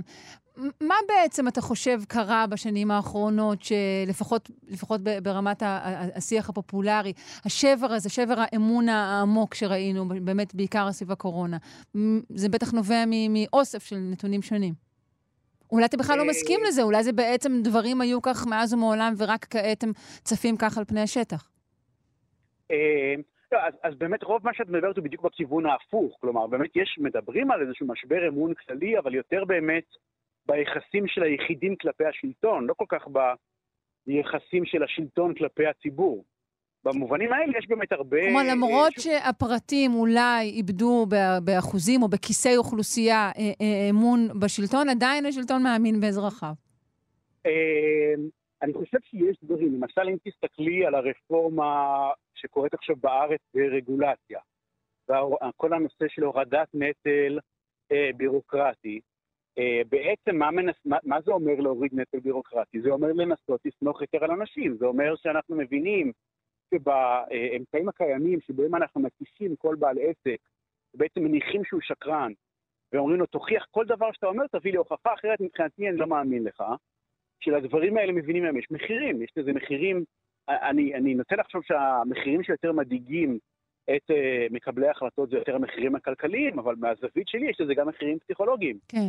אז צריך פה איזושהי הנחה של אופטימיות מסוימת לגבי, אני לא יודעת אם טבע האדם, אבל טבע החברה בכל אופן, שבסך הכל רוב האנשים, אם יהיו איתם סבבה, הם יהיו סבבה, כי הם יבינו שזה לטובת הסבבה הכללי. אה, כן, טוב, זה... אה, אני לא יודע אם יש מילה סבבה פה, אבל, אבל, אבל יש המושג הזה של מה שנקרא reciprocity, כלומר, שמה שאת, אני חושב, מתכוונת, שאם התייחסו אליה, במובן מסוים זה חלק משאלות המחקר, אבל בוודאי שיש מושג שנקרא reciprocity. Mm-hmm. הבעיה הגדולה זה שהאם באמת יש reciprocity גם במונחי יחסי האזרח-מדינה. הבעיה יותר קשה, שזה אחד האתגרים של הגרנט הזה, זה בעצם, בתחום הציוד זה לא רק אחד מול המדינה, זה אני מול המדינה, ואז אני רואה מה השכן שלי עשה. כן. בעצם כל האנשים כל הזמן בעצם, יש להם את הדיאלוג, את היחסים שלהם, ויש להם, אוקיי, מה, מה קורה עם אחרים?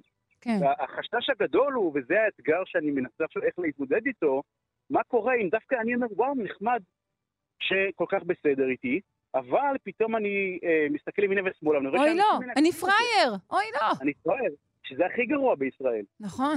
אז, אז בעצם אני אגיד, או, אז אם בעצם, אם אני דווקא הייתי איתם בסדר, אבל הם בעצם, אה, אחרים מנצלים את זה, אני רוצה אולי גם לנצל את זה לרעה, ואז השאלה היא איך אתה בעצם יכול לייצר מצב שזה לא רק אחד מול המדינה, אולי מושג של קהילה שיכול לסייע פה. כלומר, לנסות לחשוב על דרכים שבהם לא יהיה איזושהי אה, הידרדרות בתפיסה של מה אנשים עושים, שבסופו של דבר תפגע אה, בכולם.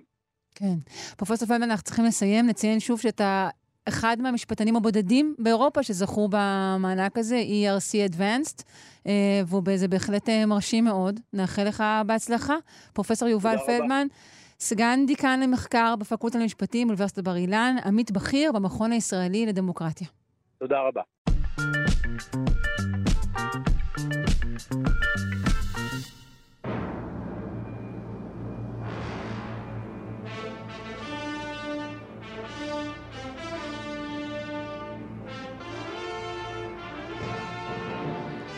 האות המפעים הזה מסמן את בואה של פינת התנ"ך עם דוקטור אילן אבקסיס, שדרן ההסכת דברי הימים על המקרא והמזרח הקדום.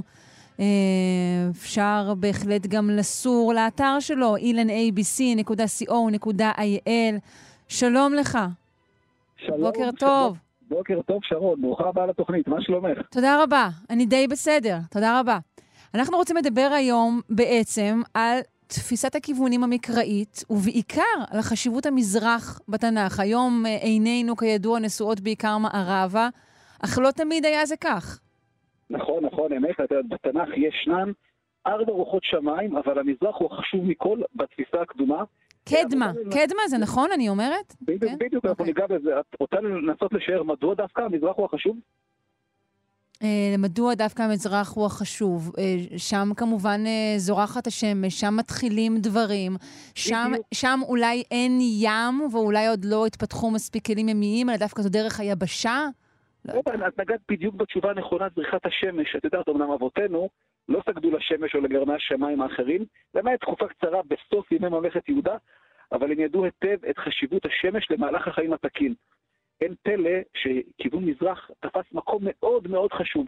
המילה מזרח, אגב, הופיעה בתנ"ך 74 פעמים, והמילה קדם, שהיא מילה נרדפת, אנחנו נרחיב עליה בהמשך, מופיעה עוד 85 פעמים, המילה מערב לעומת זאת מופיעה רק 14 פעמים, עוד 9 במובן של סחורה, המילה צפון, גם כיוון חשוב, 133 פעמים, והמילה דרום מופיעה רק 17 פעמים בלבד.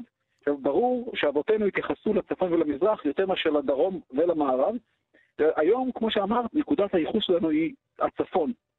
הרי ברגע שהומצא המצפן, הימאים סובבו את המפות שלהם לכיוון צפון, והמעט שנשאר. המפות שלנו, הצפון תמיד תמיד נמצא למעלה. אבל בימי התנ"ך, נקודת הייחוס הייתה המזרח. מי שמביט מזרחה, הרי הדרום הוא מצד ימין שלו, אהה. הצפון מצד שמאל שלו והמערב מאחוריו. ושימי לב, כך בדיוק מצאנו בסיפור על אברהם אבינו, כתוב עליו, ויחלק אברהם הכוונה עליהם לילה, הוא ועבדיו, ויקם וירדפים את, את המלכים עד חובה אשר משמאל לדמשק, כלומר, משמאל לדמשק, כלומר, מצפון לה. אני מזכיר לך שעד ימינו אנו בערבית צפון זה שימל, שמאל.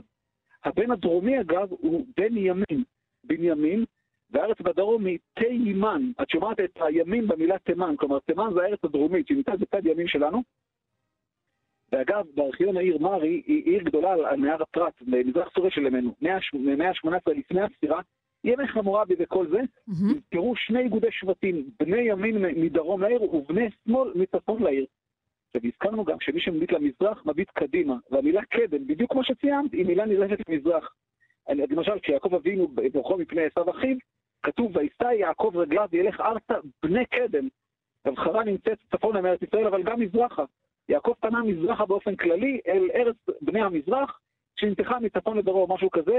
הנה, ובואי תראי מה נכתב בספר יחזקאל. כתוב, ותישא אותי רוח ותביא אותי לשער בית האדוני הקדמוני, הפונה קדימה.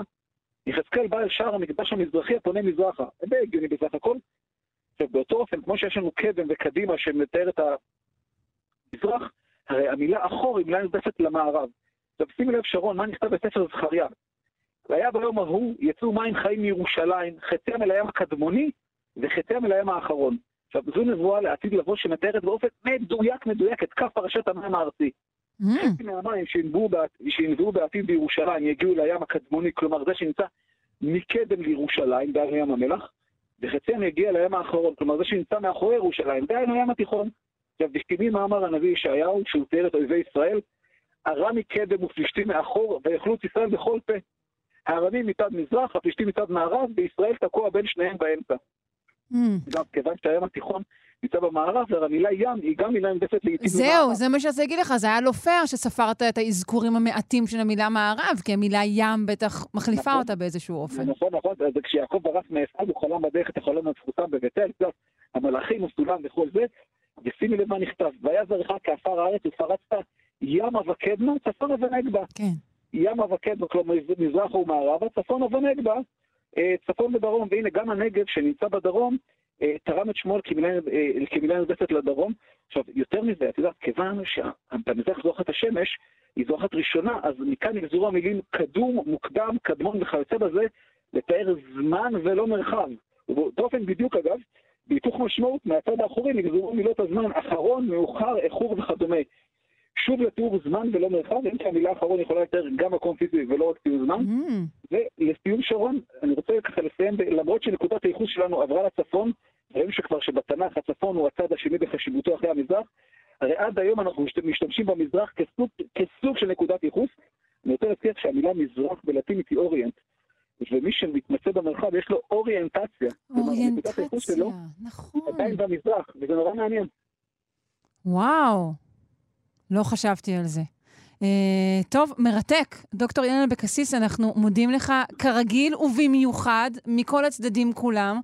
Uh, צפונה, דרומה, ימה וקדמה. נזכיר שוב, שדרן ההסכת דברי הימים על המקרא והמזרח הקדום, חפשו אותו גם באילנabc.co.il. תודה, להתראות. תודה רבה לך ולמאזינים. להתראות.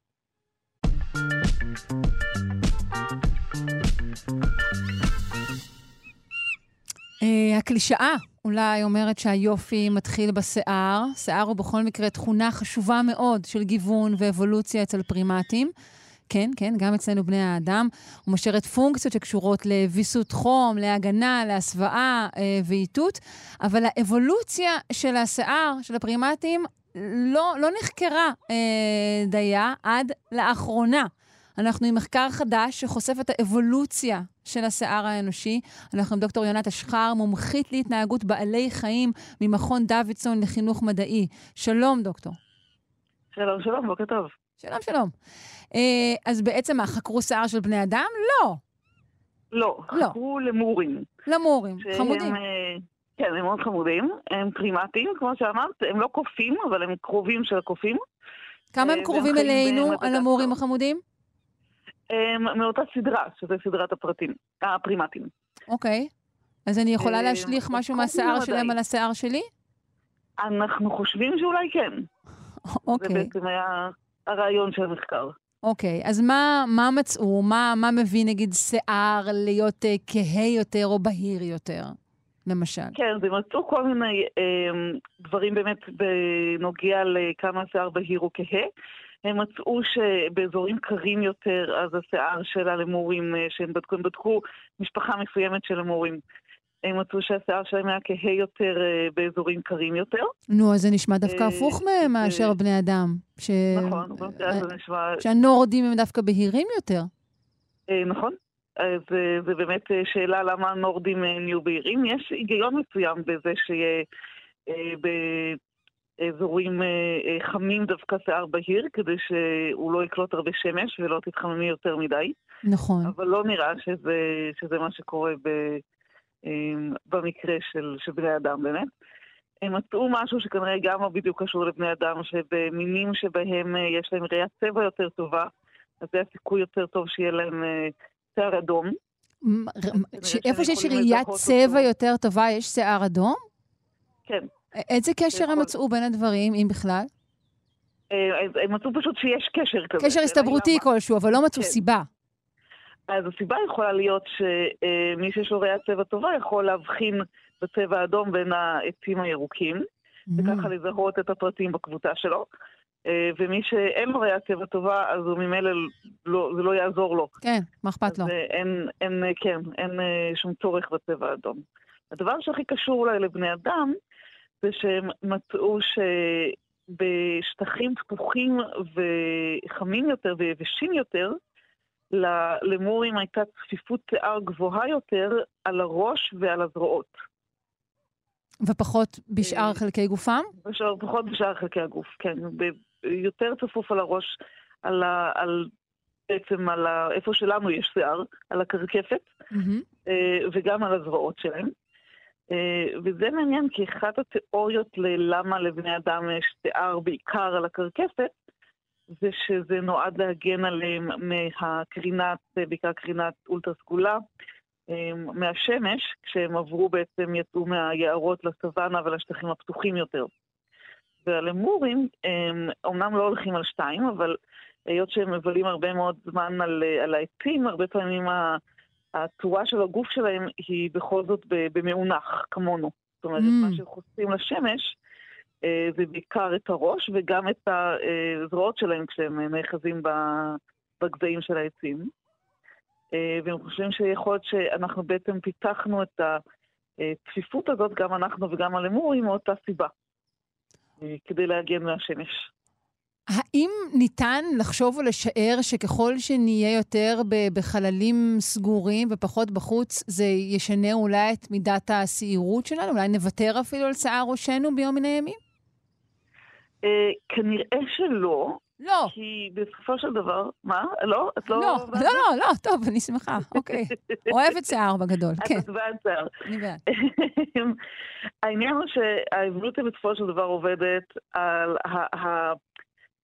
המדד להצלחה באבולוציה הוא כמה מהגנים שלך עוברים הלאה. זאת אומרת, כמה מהצאצאים שלך ומהצאצאים גם שאולי של המשפחה הקרובה שלך הם, הם נולדים ומגיעים לבגרות ומעמידים צאצאים שלהם. אז זה נכון שאנחנו מבלים יותר אה, אה, רחק מהשמש, הרבה מאוד ממנו, לא כולנו כמובן. אה, אבל לא נראה שיש לזה השפעה על כמות הילדים ש, שיש לנו. זאת אומרת, מי ש... זה לא שמי שאין לו שיער אה, מביא יותר ילדים, או מי שיש לו יותר שיער אה, מביא יותר או פחות ילדים. כלומר, אה, זה ששיער הוא אולי, זה ששיער הוא אולי מיותר לנו כרגע, זה לא אומר שהוא ייעלם. זה לא אומר שיעלם, כי בסופו של דבר השאלה היא, האם הגן לשיער יעבור לדורות הבאים? וכל עוד אין לו השפעה על כמות הילדים בעצם שלנו, על מספר הילדים שלנו, אה, כנראה ש, שאנחנו לא נראה השפעה, לא נראה שוני באבולוציה של הדורות הבאים. מהמם. אבל האם נגיד העניין האקלימי שלמדנו אה, מהלמורים, יכול להיות שעם שינוי האקלים בכדור הארץ כן יהיו שינויים? אולי דווקא ההפך, נחזיר לעצמנו שערות גוף? אה, כן, זו באמת שאלה מעניינת, כי למשל הם מצאו שאזורים אה, עם לחות גבוהה יותר, אז זה השיער יותר שחור וכל מיני דברים כאלה. אז שוב, השאלה היא האם זה ישפיע על מספר הילדים שלנו. אז אם יהיה שינויים אקלימיים שיביאו לממש איזשהו קטסטרופות ואסונות שבהם אנשים שיש להם שיער כהה יותר או בהיר יותר, או שיש להם פחות יותר שיער, יצליחו יותר או פחות להימנע מהאסון, אז אנחנו נראה את ההשפעה של זה. טוב, מעניין מאוד. אתגר, ל... אתגר ליצרני הקוסמטיקה והשמפואים לעתיד. נראה מה יהיה. Uh, אגב, המחקר הזה על הלמורים, uh, זה היה כרוך במשהו מצידם, או שרק התבוננו בהם? Uh, והתבוננו בהם, וגם בבעלי חיים בטבע וגם ב... גם באוספים במוזיאונים, אז לא היו, לא, לא נפגעו למורים במהלך המחקר. תמיד בשורה טובה, לא נפגעו למורים. דוקטור יונת אשחר, מומחית להתנהגות בעלי חיים, מכון דוידסון לחינוך מדעי, אני מאוד מודה לך. תודה רבה.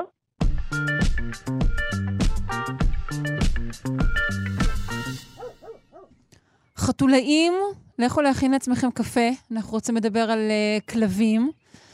כאשר בעלי כלבים מקדישים לכלבים זמן בליטופים, בטיולים ארוכים, במשחקים, בזרוק את זה, תביא את זה, ואפילו כשהם מחנכים אותם, אפילו כשהם לא מרוצים מהם, האופי של הכלבים מתעצב. אה, זה נשמע טריוויאלי, אבל זה בהחלט לא.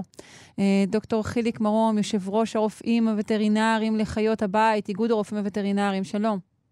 שלום וברכה, שרון. שלום. אז בעצם אנחנו אומרים, טוב, ברור, אני נותן למישהו אהבה, ואז הוא מגיב, אבל זה משהו שהוא יותר עמוק מזה, נכון? יש כאן ממש שינוי אישיותי של כלבים בהתאם למה שאנחנו נותנים להם, נכון? נכון מאוד, מדויק. אם אנחנו מסתכלים בעצם ושואלים מה זה אישיות, אז אישיות או אופי זה בגדול כלל המרכיבים של האיכות ושל ההתנהגות. זה מכלול התכונות, בבני אדם נוטים להגדיר את זה תכונות נפשיות, בכלבים אנחנו נזהרים קצת יותר עם זה. זה התכונות הנרכשות, המולדות, והן מכתיבות את ערך המחשבה וההתנהגות של כל פרט מסוים. בכוונה פרט מסוים, כי כל אחד מהפרטים הוא שונה, וזה נכון גם לגבי כלבים. Mm-hmm. אנחנו נזהרים, זה אמרת, כי אנחנו לא מניחים עדיין שיש נפש בבעלי חיים? זה מה שהתכוונת? לא, ממש לא. אוקיי. Okay. אני, ההגדרה של נפש היא הגדרה מאוד מורכבת, אבל uh, אנחנו קשה לנו לאבחן מחלות נפש.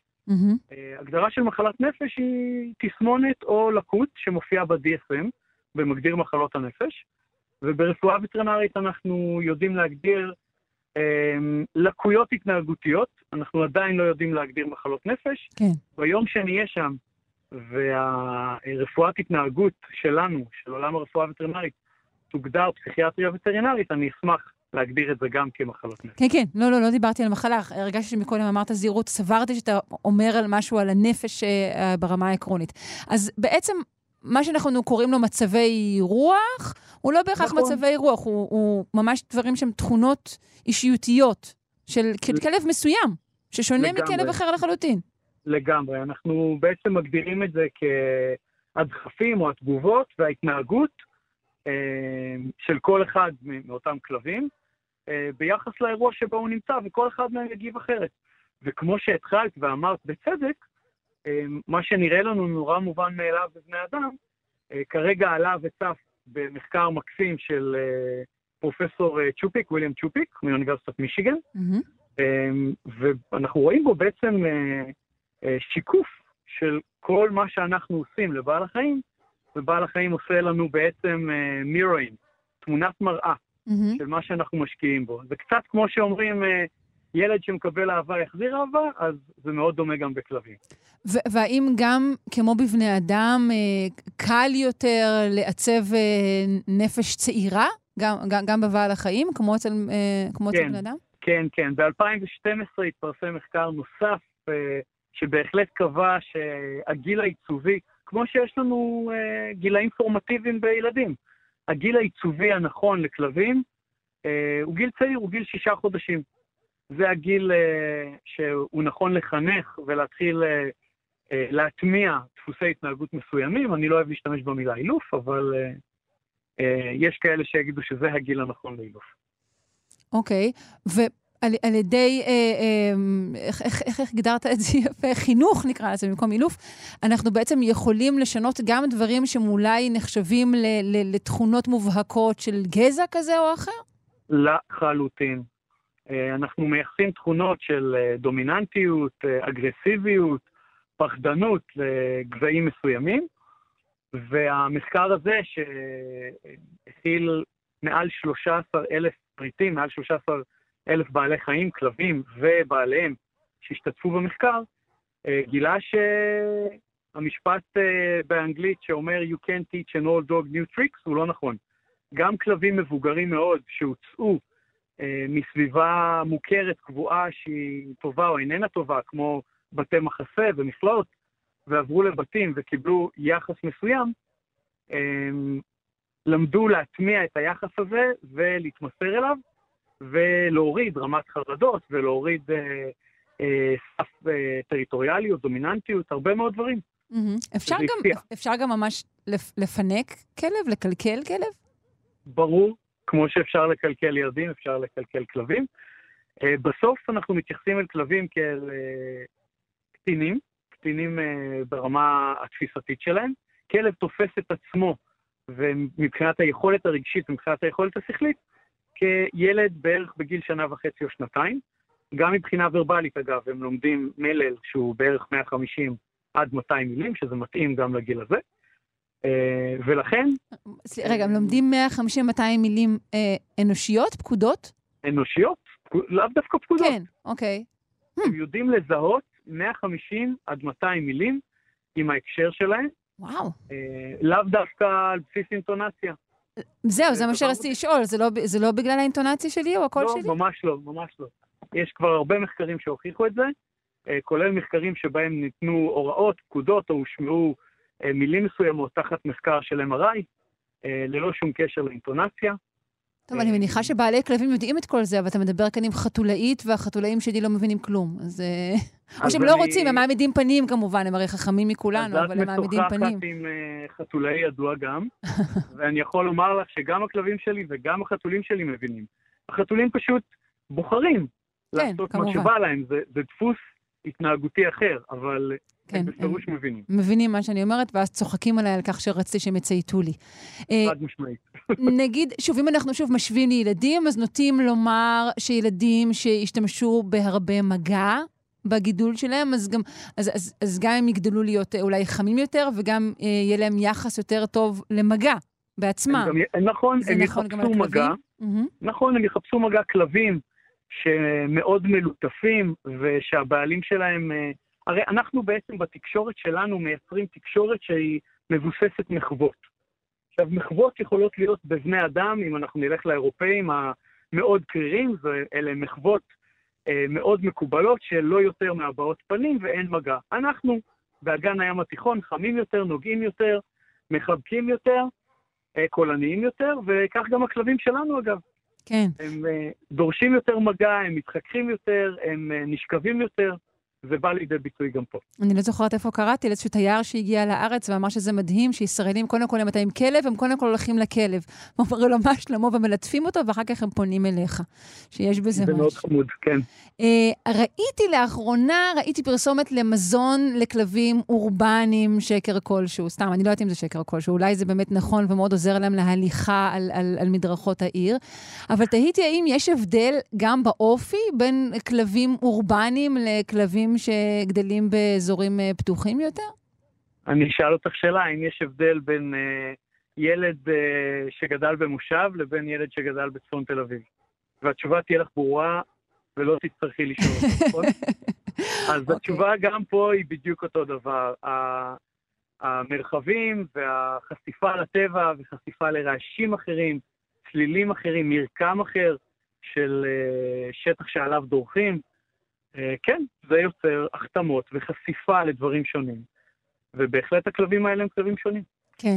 אה, יותר ויותר חברות אה, הייטק, נגיד, כחלק מהמאמץ שלהם להגיד לך שכל החיים שלך כאן אצלנו, אין לך מה לחפש במקום אחר, מאפשרים גם להביא היום כלבים לעבודה. אני יודעת על הרבה חברות שפשוט, הכלבים נמצאים כל היום.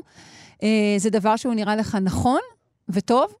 זה נראה לי מאוד נכון. אם אנחנו מצרפים אלינו למשפחה חבר על ארבע, אגב, אני אגלה לך סוד, בחברות הייטק בסקנדינביה, אנשים באים עם החתולים לעבודה.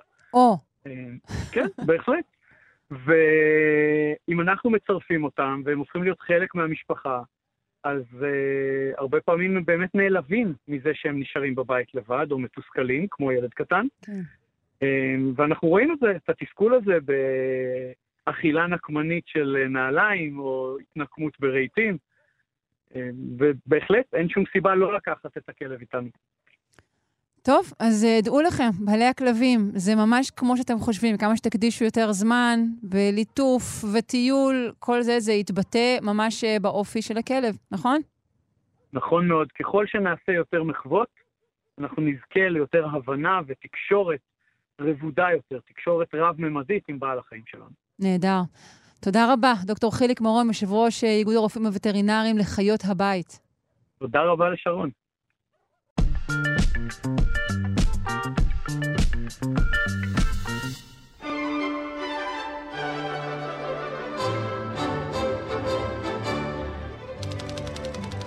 אנחנו בשבוע העצמאות שלנו, וגם פינת הלשון תעסוק בעצמאות, וליתר דיוק, אה, באבולוציה של שירי העצמאות אה, שלנו כאן בישראל. אנחנו עם לשונאית הבית היקרה שלנו, הדוקטור סמדר כהן. היי, סמדר. היי, שרון, ברוכה הבאה, מה שלומך? תודה רבה, אני בסדר גמור. אז בעצם איזה מסע, איזה מסע עברו שירי העצמאות שלנו? כן, אז זהו, האמת שפתאום חשבתי לעצמי שהרבה פעמים אנחנו מדברים באופן כללי על שירים עבריים, והרבה פעמים גם מדברים על שירי יום זיכרון. פתאום חשבתי שגם בשירי יום עצמאות יש איזשהו, אה, איזושהי התפתחות. אמ, ואולי מעניין להתחיל את המסע הזה עוד לפני קום המדינה, בעצם בשירים שנכתבו עוד לפני שנולדה מדינת ישראל. אה, כל מיני שירי ציונות שכאלה. כן, היה צריך להביא את העצמאות הזו גם על ידי דודה מורל, זה לא בא לבד. בדיוק, אז, אז אולי אה, נגיד, אולי הראשון שבהם הוא, אם אנחנו כבר קושרות את זה לאירועי יום העצמאות, ויש לנו כמה כאלה, אז נגיד בטקס הדלקת המשואות, יש אה, השיר המלווה את ההדלקה, ותמיד מנגנים אותו ככה ברקע, לפעמים אפילו שרים אותו, ובעצם זה סוד ציון הנס ודגל, אה, גם, ב, גם כשעושים את טסטה סאחים, כל הפעלולי חיילים. ומה זה בעצם סוד ציון הנס ודגל? זה בעצם... שיר שנכתב עוד קודם לקום המדינה, ובעצם יש בו עניין של לכו לציון. כלומר, בעצם האלמנט הבולט בו זה הציונות, זה ההליכה לציון. אה, כדי אה, לעלות בעצם לארץ. שיר עלייה שכזה, ויש בו אה, נס ודגל, כלומר הדבר המסמל את האומה, הדבר שמסמל את קיומו של עם, דגל. אחר כך אנחנו מוצאים את לוין קיפניס שכותב, אנחנו מניפים דגלנו. אחר כך יש לנו כל הארץ דגלים דגלים. אנחנו מכירים את האלמנט הזה של הדגל, שהוא באמת איזשהו אלמנט של ציון האומה. Uh, בהמשך, שכבר יש לנו ארץ, ואנחנו, בין, בין יש ארץ לבין התחלת ה... uh, לבין סוף ה... לקראת הקמת המדינה, אז יש לנו למשל נבנה ארצנו, ארץ מולדת. ואז אנחנו נחשפים לעולמות אחרים לגמרי של לשונות בנייה. בואו נבנה את הארץ, בואו נקים את הארץ, נלבישך סלמת בטון ומלט, זה תמיד אנחנו זוכרים. את הציווי הזה שהיום אה, עולה לנו ביוקר. את הציווי הזה, לא שמעתי. נלבישך סלמת בטון ומלט, כמובן. נכון, נלבישך סלמת בטון ומלט, כמובן, נכון, וגם אה, נבנה ארצנו בכוח רצוננו, אה, על אף כל מחריבינו, ויש לנו ארצה עלינו וכבר חרשו וזרענו, ויש לנו חושו אחים חושו, אה, אה, לא לנו המנוחה, לא לנו המרגוע, חס וחלילה שלא ננוח בטעות.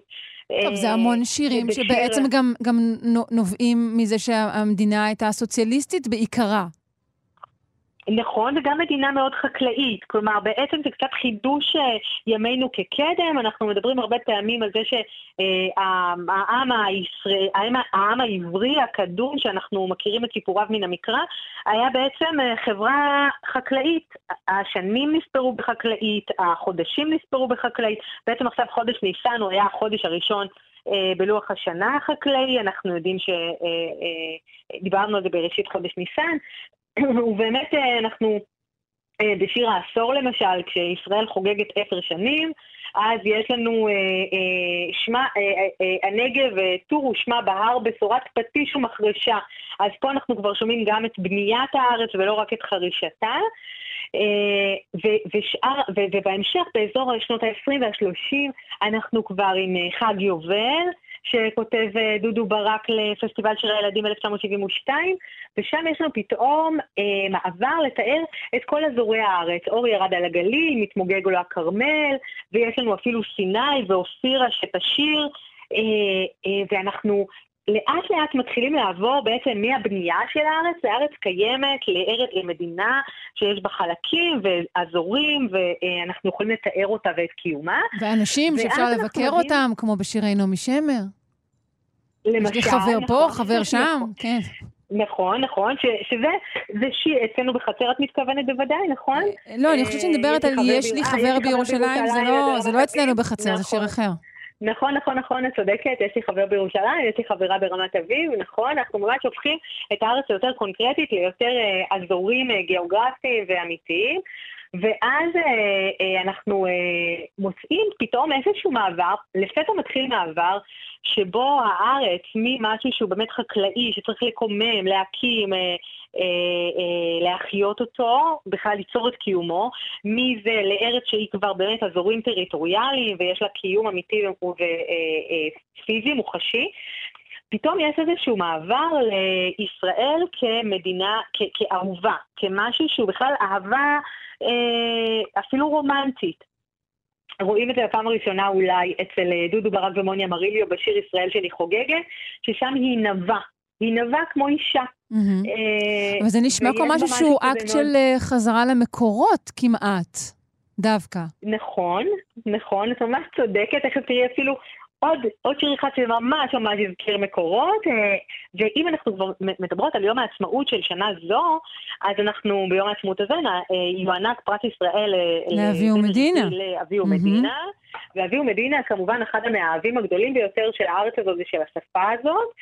ובאופן די מוזר הוא מלחין שני שירים שדווקא לא הוא כתב אותם, אבל שניהם שירי אהבה לארץ.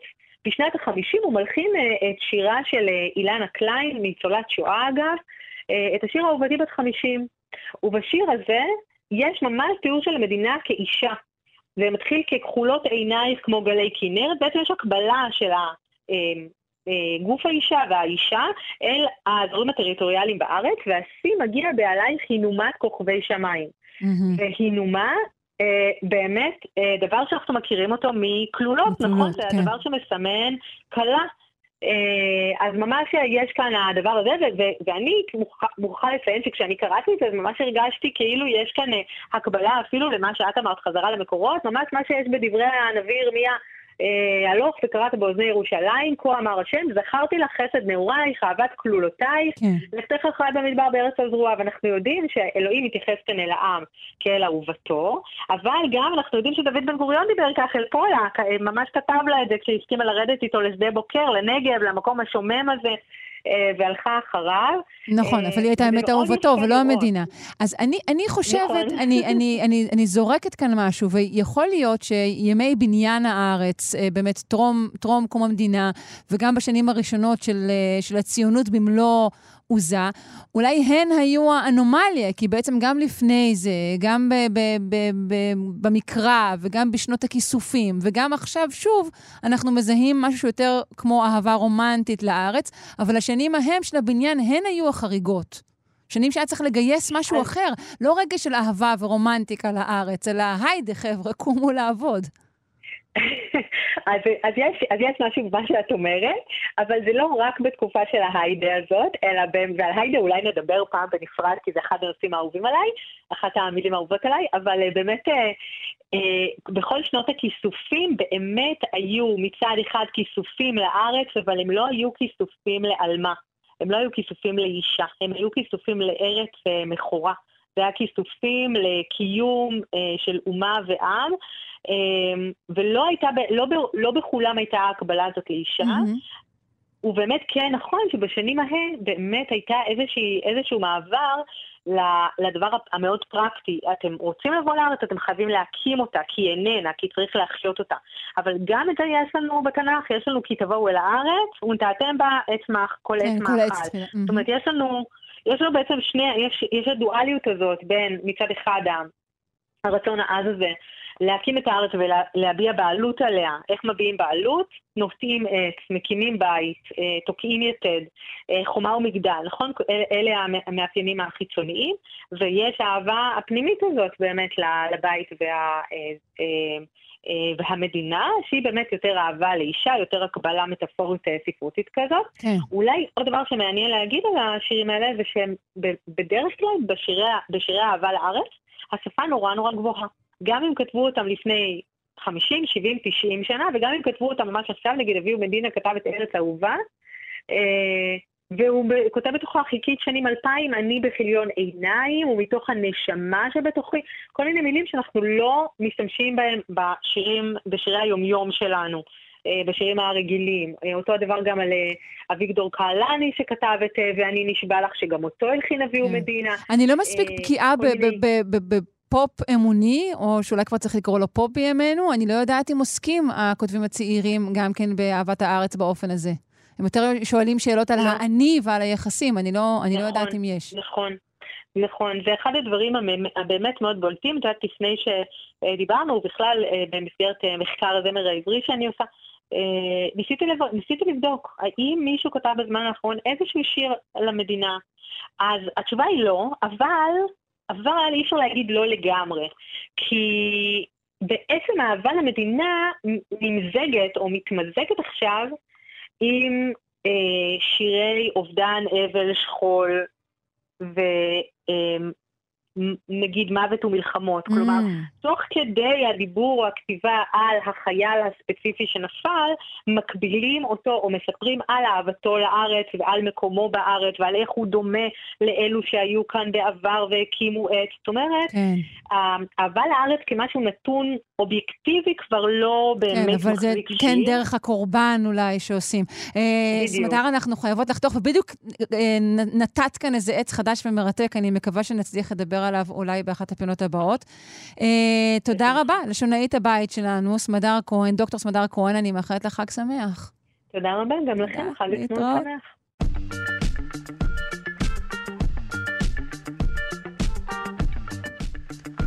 עד כאן, שלושה שיודעים להיום. אני שרון קנטור, העורך, רז חסון, המפיקה אלכס לויקר, על הביצוע הטכני אלון מקלר, תודה רבה לכולם.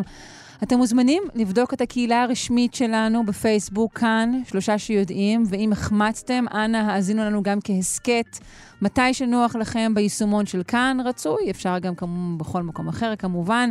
אה, אנחנו נתראה כאן שוב ביום ראשון.